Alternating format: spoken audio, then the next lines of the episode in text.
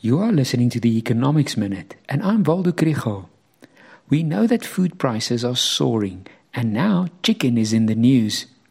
This week, the Association for Meat Importers and Exporters called for a three year suspension of import tariffs on imported chicken. They argue that the tariffs raise the price of imported chicken, so consumers are paying high prices while domestic producers make good profits.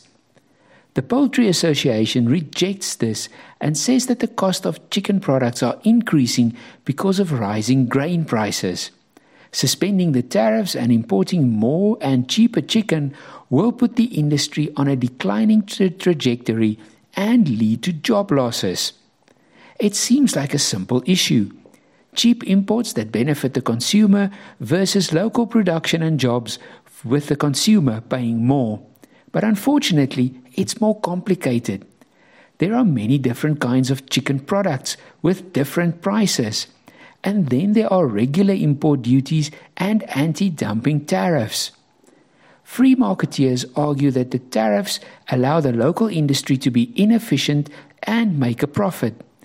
The test for the industry's competitiveness should be whether they are able to export, and they cannot.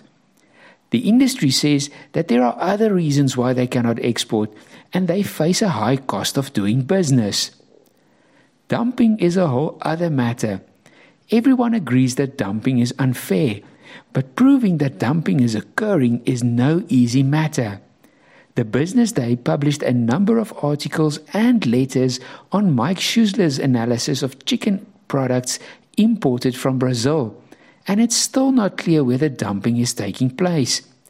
Yet, the industry is asking ITAC for another 124% tariff. The only thing that is clear is that the consumer is going to pay a lot more for a staple protein this year.